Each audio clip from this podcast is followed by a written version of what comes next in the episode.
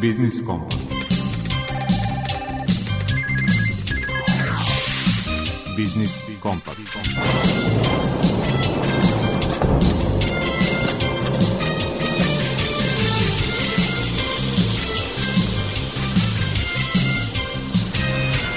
Pred mikrofonom je Đuro Vukelić. Dobar dan, poštovani slušalci. Preguro smo nekako i 2022. koja je epitet prosta zaslužila samo u crkvenim kalendarima. Globalna kriza oslikana nestašicom i poskupljenjem energenata, dvocifrenom inflacijom i u zemljama decenijama odviknutim od nje, pad životnog standarda. Ima li kraja? Za početak Biznis Kompasa znamo, uobičajena rubrika Aktuelno posvetit ćemo je energetici i međunarodnoj konferenciji o tranziciji elektroenergetskog sistema Zapadnog Balkana. Gost autor rubrike iz mog ugla je glavna i odgovorna urednica portala Pluton Logistics, Marija Kambić. Govorit će o tome kako su se u kriznim vremenima snašli transport i logistika u svetu i kod nas.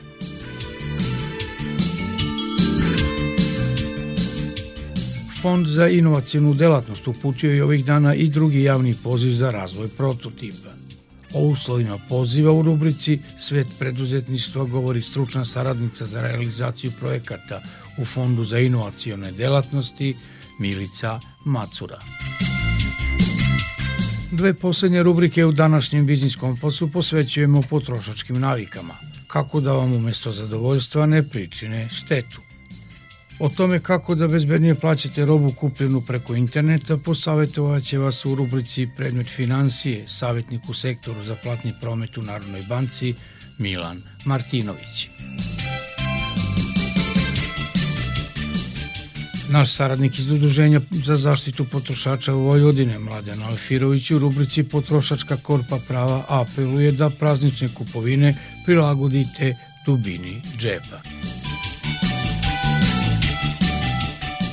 I posle kratkog pregleda sadržaja emisije muzička pauza.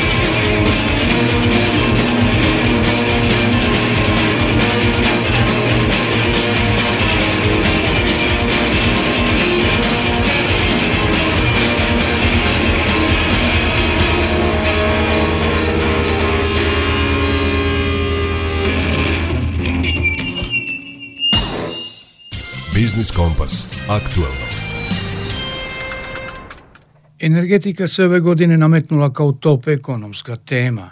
Neizvesnosti oko snabdevanja i granice na koje će se zaustaviti cene svih vrsta energenata obeležit će sasvim izvesnu i godinu pred nama. Kako u takvim uslovima sprovesti energetsku tranziciju u Srbiji i regionu na održiv način, a koji neće ugroziti energetsku bezbednost i nezavisnost? To je bila i tema međunarodne konferencije koju je organizovala redakcija portala Energija Balkana. U obraćanju skupu ministarka rudarstva i energetike Dubravka Đedović je ocenila da se u planiranju tranzicije moraju pronaći održivi načini kako bi ona bila pravedna i socijalno prihvatljiva. Planiramo u narednim decenijama da uložimo više od 30 milijardi evra u naš energetski sistem. Bitno je da taj put pažljivo isplaniramo i da zaista se fokusiramo na one investicione projekte koje će dodati najveću vrednost. Neophodno je da se menjamo, da se reformišemo, da reformišemo, napređujemo poslovanje naših javnih preduzeća koje su stub naše privrede, ali i izvor sigurnosti za sve naše građane. Nijedna tranzicija nije laka, nijedna tranzicija nije brza, ali je bitno da na tom putu budemo odlučni, da imamo podršku svih građana Srbije, naravno i svih ljudi iz struke, da shvatimo da je bitno da se menjamo, mi kao država treba da stvorimo preduslove, da privučemo i privatni kapital, jer naravno iz javnih sredstava biće nemoguće sve potrebe isfinansirati. Ono što je godinama izdašno finansirano iz javnih sredstava su gubici u javnim preduzećima iz energetskog sektora – Utoliko je prethodnih dana kao utešna prihvaćena vest o tome da posle stotina miliona evra uvoza EPS izvozi električnu energiju.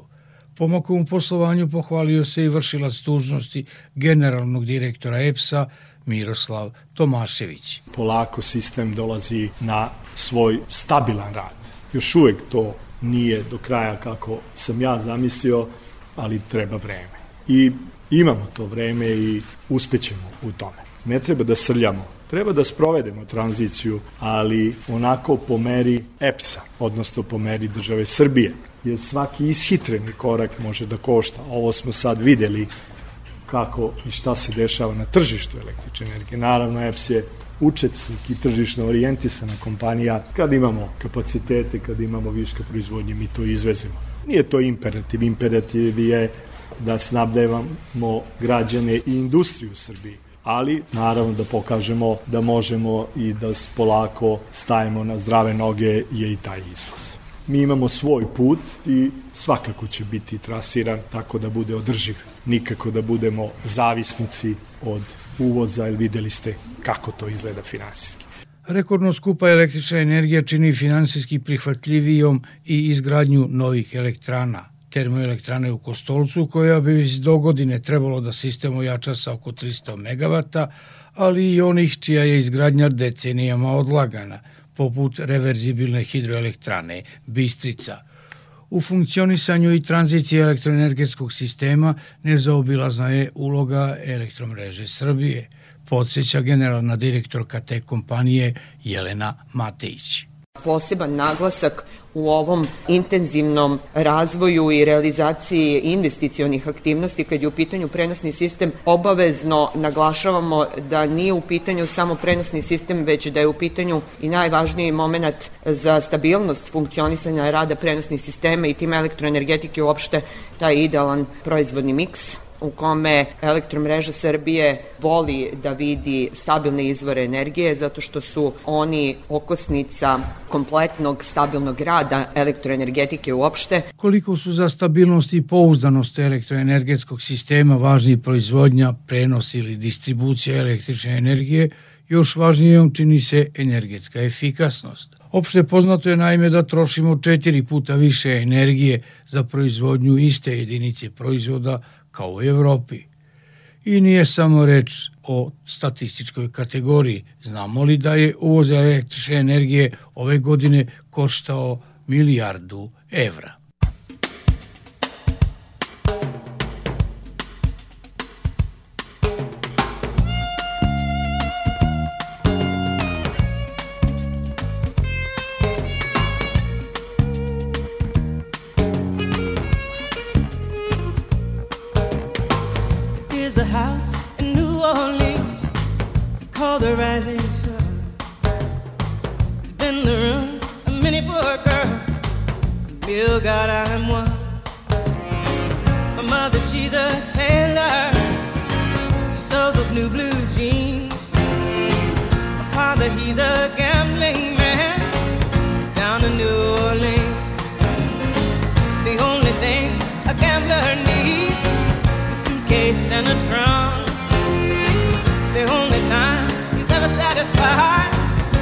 He's on a drum.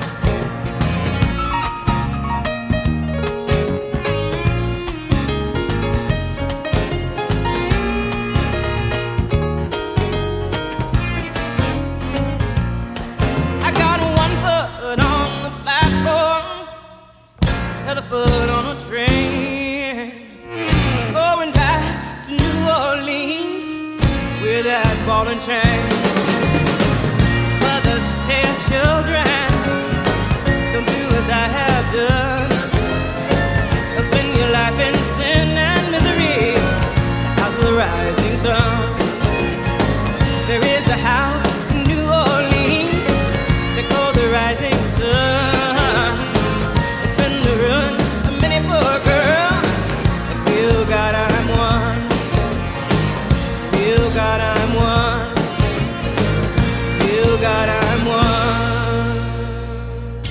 Biznis Kompas iz mog ugla. Tek što su se transport i logistika kako tako prilagodili COVID-19 vremenima, dogodili su se rat u Ukrajini, velika energetska kriza i inflacija. Uprkos neizvesnosti s kojim taj sektor ulazi u 2023. neki analitičari procenjuju da će obim transporta i logistike do godine porasti za 3,1 To tvrdi glavna i odgovorna urednica portala Pluton Logistics Marija Kambić. Konkretno u oblasti transporta i logistike koje prati naš portal, kao vodeći problemi istakli su se nedostatak vozača, nedostatak transportnih kapaciteta usled povećanja potrošnje, inflacija, kašnjenje u isporukama, rast cene energenata. I prethodne godina i ova pokazali su veliku slabost globalizacije i organizacije poslovanja koja se oslanja na to i sve više se pričalo o tome da je neophodno skratiti lance snabdevanja i nekako organizovati takozvanu regionalnu globalizaciju. Pokazalo se da taj neki model najjeftinije proizvodnje usled svih ovih problema možda nije ni najefikasniji. U oblasti transporta i logistike i uopšte u tim lancima snabdevanja prethodnih godina najviše bila u fokusu usluga just in time, baš na vreme. To je usluga po kome sirovine, zalihe i rezervni delovi su dostupni u trenutku, stižu pravo na traku i ne prave se zalihe. S obzirom na to da takvu uslugu više logističari nisu mogli da garantuju, preispitivao se u toku ove godine drugi model koji je stari i konzervativniji i naziva se just in case za svaki slučaj, što znači da se preduzeća odlučuju da drže veliki višak gotovih zalika i sirovina pri ruci kako bi se izbjegle sve ove turbulencije. Na neki naš tekst o tome da li je sad predikat, da li je just in case ili just in time, čitalac je rekao, ma neka samo roba stigne, što zapravo i može da oslikava celokupno stanje u privredi tokom uh, ove godine. Kao što sam već pomenula, ovaj veliki rast cene energenata je bio veliki udarac naravno za transportnu industriju, jer su troškovi goriva najkritičnija komponenta ukupnih logističkih troškova i čine do 50% cene, dok je cena dizela koji pokreće kamione porasla 70%, od februara ove godine u železničkom transportu kao da je bio još veći udarac jer je vučna električna energija poskupila od 300 do 1000% u zavisnosti od zemlje do zemlje. Tu možemo da se vratimo i na to kakva je situacija u Srbiji. Naš logistički sektor naravno deli sudbinu globalne scene, a u sve te prilike nas muče i lokalni problemi koji su tu već decenijama, gužve na granicama, korupcija, transportne dozvole, takođe nedostatak radne snage.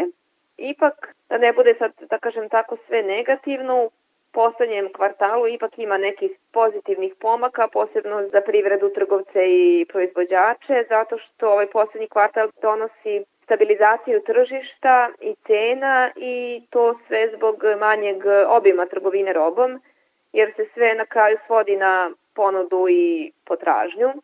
Osim drastičnog pada vozarina u pomorskom transportu i cene drumskog prevoza u Evropi pokazuju blagu tendenciju opadanja. Ono što je dobro za logistički transportne kompanije da je zbog povećanja obima svetske trgovine u ovoj godini, jer je zapravo se buknulo posle pauze usled korone i većih cena vozarina, finansijski rezultati su bili rekordni Imali smo takvu situaciju da su finansijski rezultati najvećih svetskih brodara bili daleko veći od, da kažemo, ovih nekih popularnih IT kompanija ili društvenih mreža. Kako je ceo sektor e, beležio, da kažem, te finansijske i ostale rekorde u obimu poslovanja, možemo da se pohvalimo i da je portal, e, naš portal Kulturno Logistik e, takođe beležio rekorde. Za Pluton Logistik e, je ova deveta godina donela značajne brojke u više segmenta i raščitanost i rast broja posetilaca sajta, kanala putem kojim plasiramo naš sadržaj i takođe smo uveli neke novine i idući u trendovima u poslovanju. Pokrenuli smo podcast za volanom, živopisne, iskrene, ljudske, tople priče, tako da smo se nekako približili kraju ove godine i postavlja se pitanje šta nas čeka u 2023. Prilike su i dalje neizvesne i ono što je jedino izvesno jeste usporavanje privrednog rasta na globalnom nivou, a to usporavanje privrednog rasta E, uticaće na sve, pa i na sektor transporta i logistike. Neki analitičari kažu da će vrednost globalnog tržišta logistike u 2023. godini porasti za 3,1% u odnosu na ovogodišnje rezultate. Ipak, prema predviđanjima stručnjaka, Evropa će biti tržište sa najsporijim rastom, a kao što znate, Srbija najviše posluje i trguje sa zemljama u okruženju i zemljama Europske unije, tako da će se to odraziti i na, i na nas i da će taj slabi rast u 2023. godini naravno uticati na pogoršanje i globalne makroekonomske situacije. Ono što je možda dobro jeste da sadašnje prognoze u sve ograde zbog vrlo nepredvidive geopolitičke situacije kažu da će bar inflacija da se primiri u narednoj godini kao i da će verovatno i u Srbiji inflacija sledeće godine biti jednocifrena, a da će se tek u 2024. vratiti u ciljene okvire od 3%, što znači da bi sledeća godina uprkos smanjene privredi, smanjenom privrednom rastu, trebalo da donese neku stabilizaciju i kada je inflacija u pitanju i kada su cene transporta u pitanju i zbog, da kažem, za transport logistiku kažu da je žilava industrija da se ona na taj način e, organizovala da bi ti tokovi trebali da budu u idućoj godini dosta predvidivi i dosta stabilni.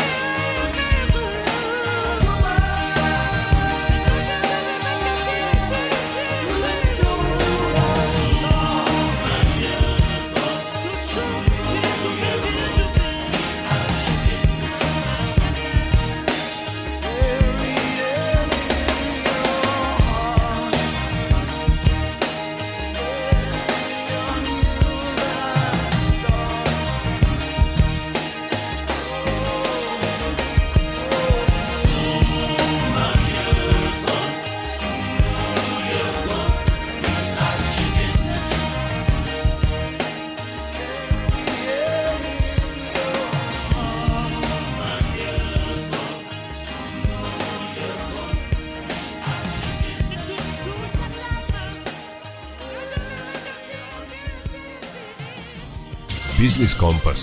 Svet preduzetništva. Drugi javni poziv Fonda za inovacijonu delatnost za razvoj prototipa tema je današnjeg sveta preduzetništva. O uslovima poziva govori stručna saradnica za realizaciju projekata u Fondu za inovacijone delatnosti Milica Macura.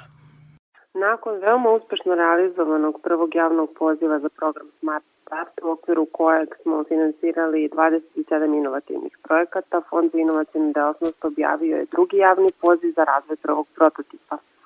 Ovaj program je namenjen svim timovima i mladim preduzećima koji su u ranoj fazi razvoja, i naime za Smart Start mogu da se prijave timovi i mikropreduzeća koja ne posluju duže od dve godine i koja nisu ostvarila prihod veći od 100.000 eura u bilo kojoj godini poslovanja.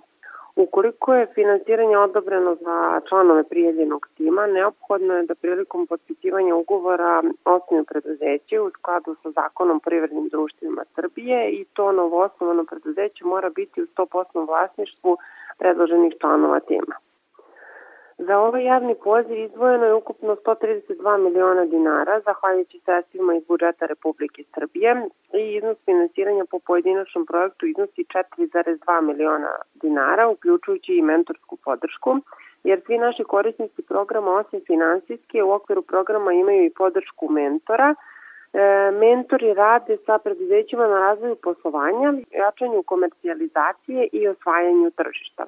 Fond u okviru ovog programa pokriva 90% ukupnih troškova e, projekta i očekujemo da će u ovom javnom pozivu biti finansirano e, oko 25 do 30 inovativnih projekata.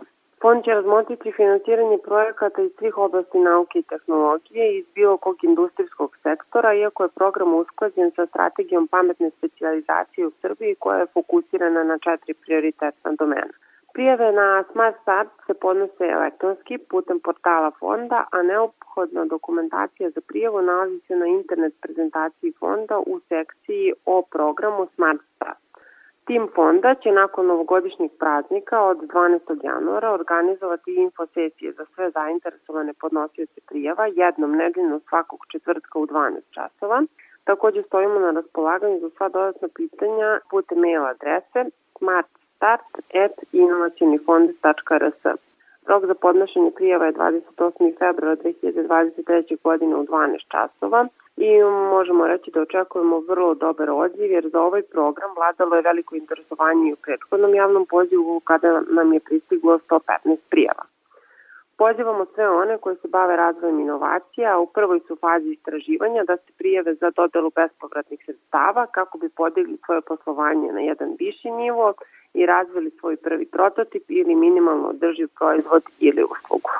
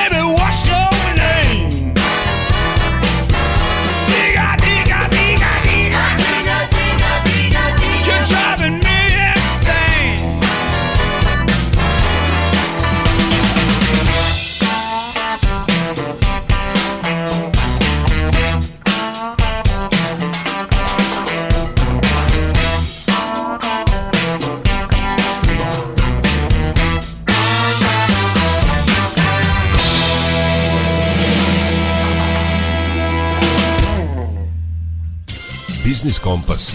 Predmet financije. U današnjoj rubrici Predmet financije savjetnik u sektoru za platni sistem u Narodnoj banci Srbije Milan Martinović podelit će sa nama niz korisnih savjeta koji se odnose na bezbednost plaćanja prilikom kupovine preko interneta.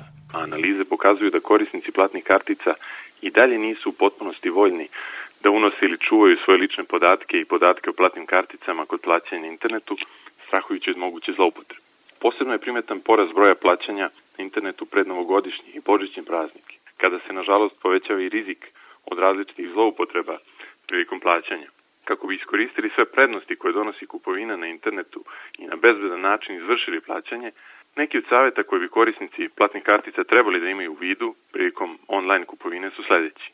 Kao prvo, vodite računa gde i kome ostavljate lične i poverljive podatke. Ono što je posebno važno napomenuti i što korisnici moraju da znaju je da se organizacije bilo kakvih promocija, pogodnosti i slično kod transakcija platnim karticama ne organizuju na Facebooku i društvenim mrežama.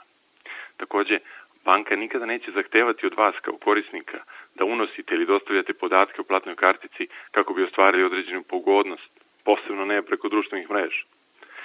Takođe, izuzetno je važno da korisnici znaju da nikada ne unose PIN kod prilikom kupovine na internetu. Kod transakcije na internetu se ne koristi PIN kod, tako da zahtev za unos PIN koda direktno ukazuje na potencijalnu zloupotrebu podataka. Takođe, ako neko od vas ili od vaših korisnika dobije e-mail poruku koja liči na poruku od banke ili druge finansijske institucije, kojom se od vas zahteva upisivanje podataka sa kartice, sasvim je izvesno se radi o takozvanoj phishing prevari.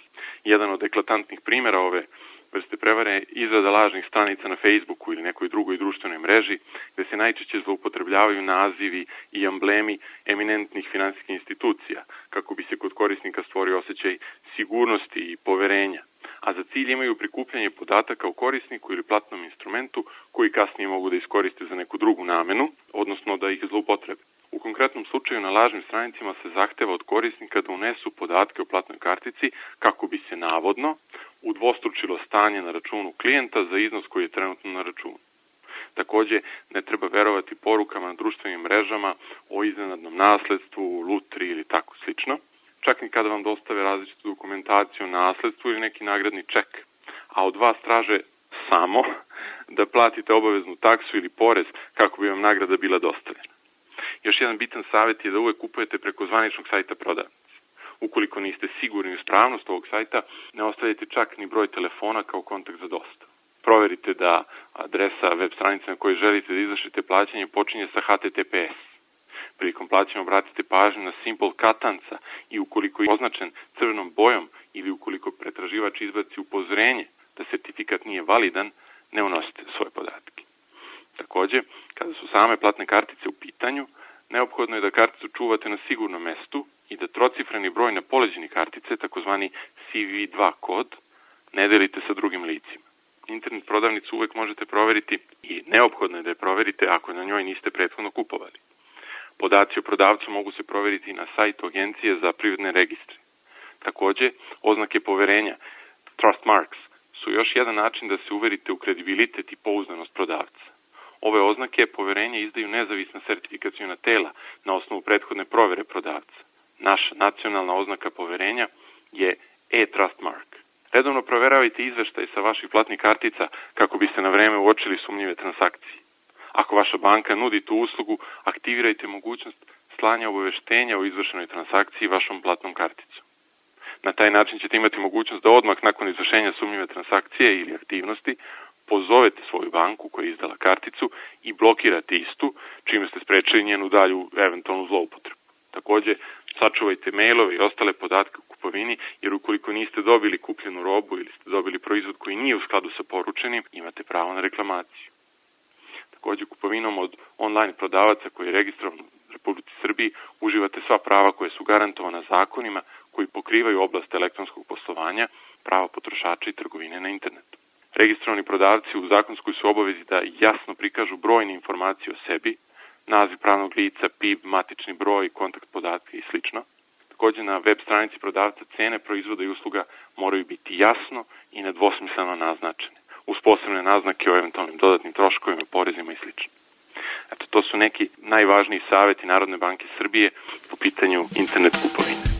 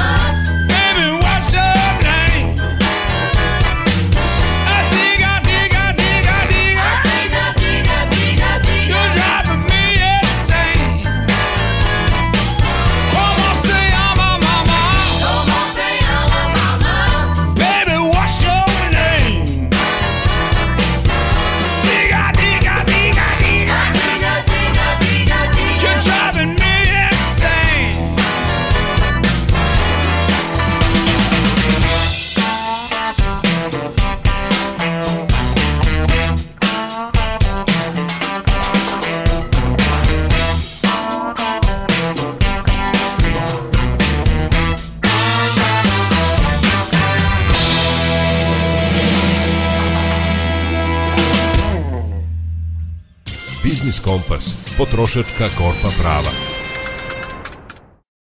Kupujte racionalno i ekonomično, što će reći prazničnu kupovinu prilagodite dubini džepa, poručuju iz potrošačkih organizacija. Apelu se pridružio i pravni savjetnik u Udruženju za zaštitu potrošača Vojvodine, Mladen Alfirović. U susret e, novogodišnjim i božićnim praznicima tema koja se svakako nameće kao važna i bitna u ovim danima jeste praznična kupovina. Mame nas e, izlozi sa, sa sezonskim sniženjem. Zimsko sezonsko sniženje je počelo 25. decembra i traje najduže 60 dana, znači negde tamo do polovine februara i očekujemo da će biti značajno veliki popusti od 50 pa čak i u nekim situacijama do, do 70%. Takođe ovo je vreme darivanja, kupovine poklona i ono na šta posebno upozoravamo svake godine u oči praznika e, jeste da potrošači budu racionalni, da budu e, obazirivi prilikom te kupovine, a ono što je specifično za ovu godinu jeste ta velika ekonomska kriza koja nas je pogodila, znatno povećanje cena osnovnih životnih namirnica, prema nekim analizama koje su vršene u prethodnim godinama, potrošnja u ovom periodu se povećava za 30 do, do 50%. I potrošači se nekako ne odriču poklona, ne odriču se tih novogodišnjih kupovina, ali mi kao NOPS, kao potrošačka organizacija apelujemo na potrošače da ipak malo ove godine razmisle da tu kupovinu obavljaju racionalnije ukoliko je to moguće, jer mi E, smo nekako tradicionalno navikli da, da budemo dobri domaćini, da volimo da se pokažemo, naročito kad su u pitanju slave i slavske trpeze, gde je tu zaista prisutna velika količina hrane, gde su te trpeze izuzetno bogate, pa se neretko dešava da, da se ta hrana baci i da, da se ne iskoristi, a cene su izuzetno izuzetno visoke, tako da nikad nije na uzgled apelovati na potrošače da dobro razmisle pre odlaska u kupovinu, jer smo primetili čak da su neki spremni da podižu keš i potrošačke kredite kako bi bili u mogućnosti da obave tu kupovinu i na taj način mogu dovesti sebe u situaciju da budu prezaduženi, kamatne stope su takođe povećane na kredite, tako da pozivam potrošače sad u ovom periodu na negde poseban oprez. Takođe ono što smo očili jeste da, da je primetno i dalje interesovanje za novogodišnje putovanja za turističke destinacije u nekim evropskim e, metropolama. To je negde kontradiktorno sa, sa informacijom koju imamo i sa situacijom gde, gde je velika kriza i gde su, gde su zaista cene znatno povećane, ali potrošači se nekako nikako ne odriču ni, e, ni ovih putovanja i razlog da to može biti upravo ova pandemija koja je na neke dve godine potpuno odložila te potrošačke navike u smislu tih kraćih putovanja, a imamo dobar deo potrošača koji nije iskoristio zamenske vouchere za putovanja od strane turističkih agencija gde su podsjećanje radi bili uplaćeni neke nažmani pa nisu iskorišćeni zbog korone.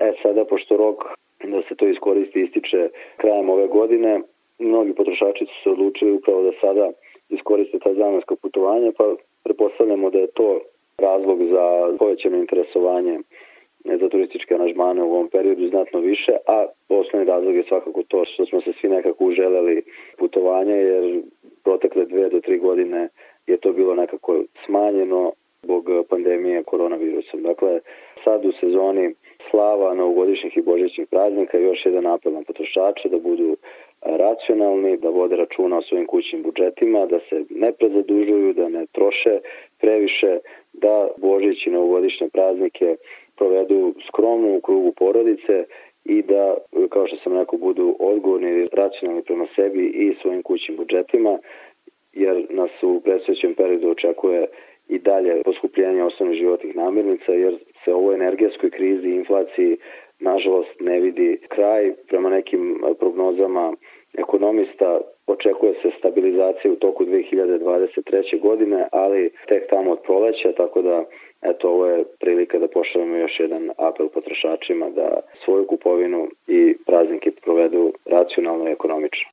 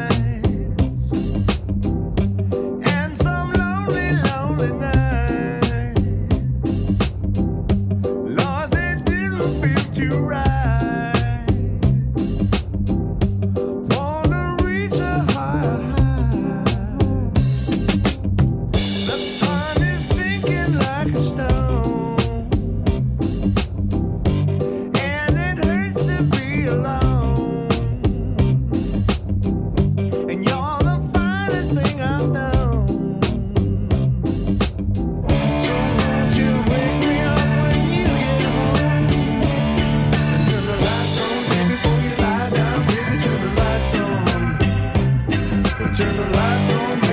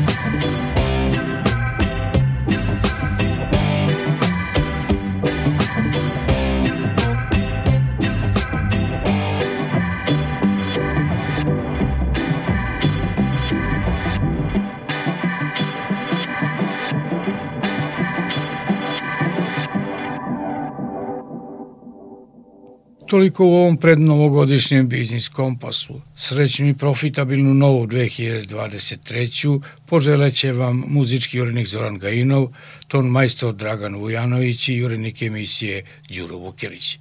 Naredni sastanak uz Biznis Kompas je za sedam dana u isto vreme. Zdravi bili i čuvajte se.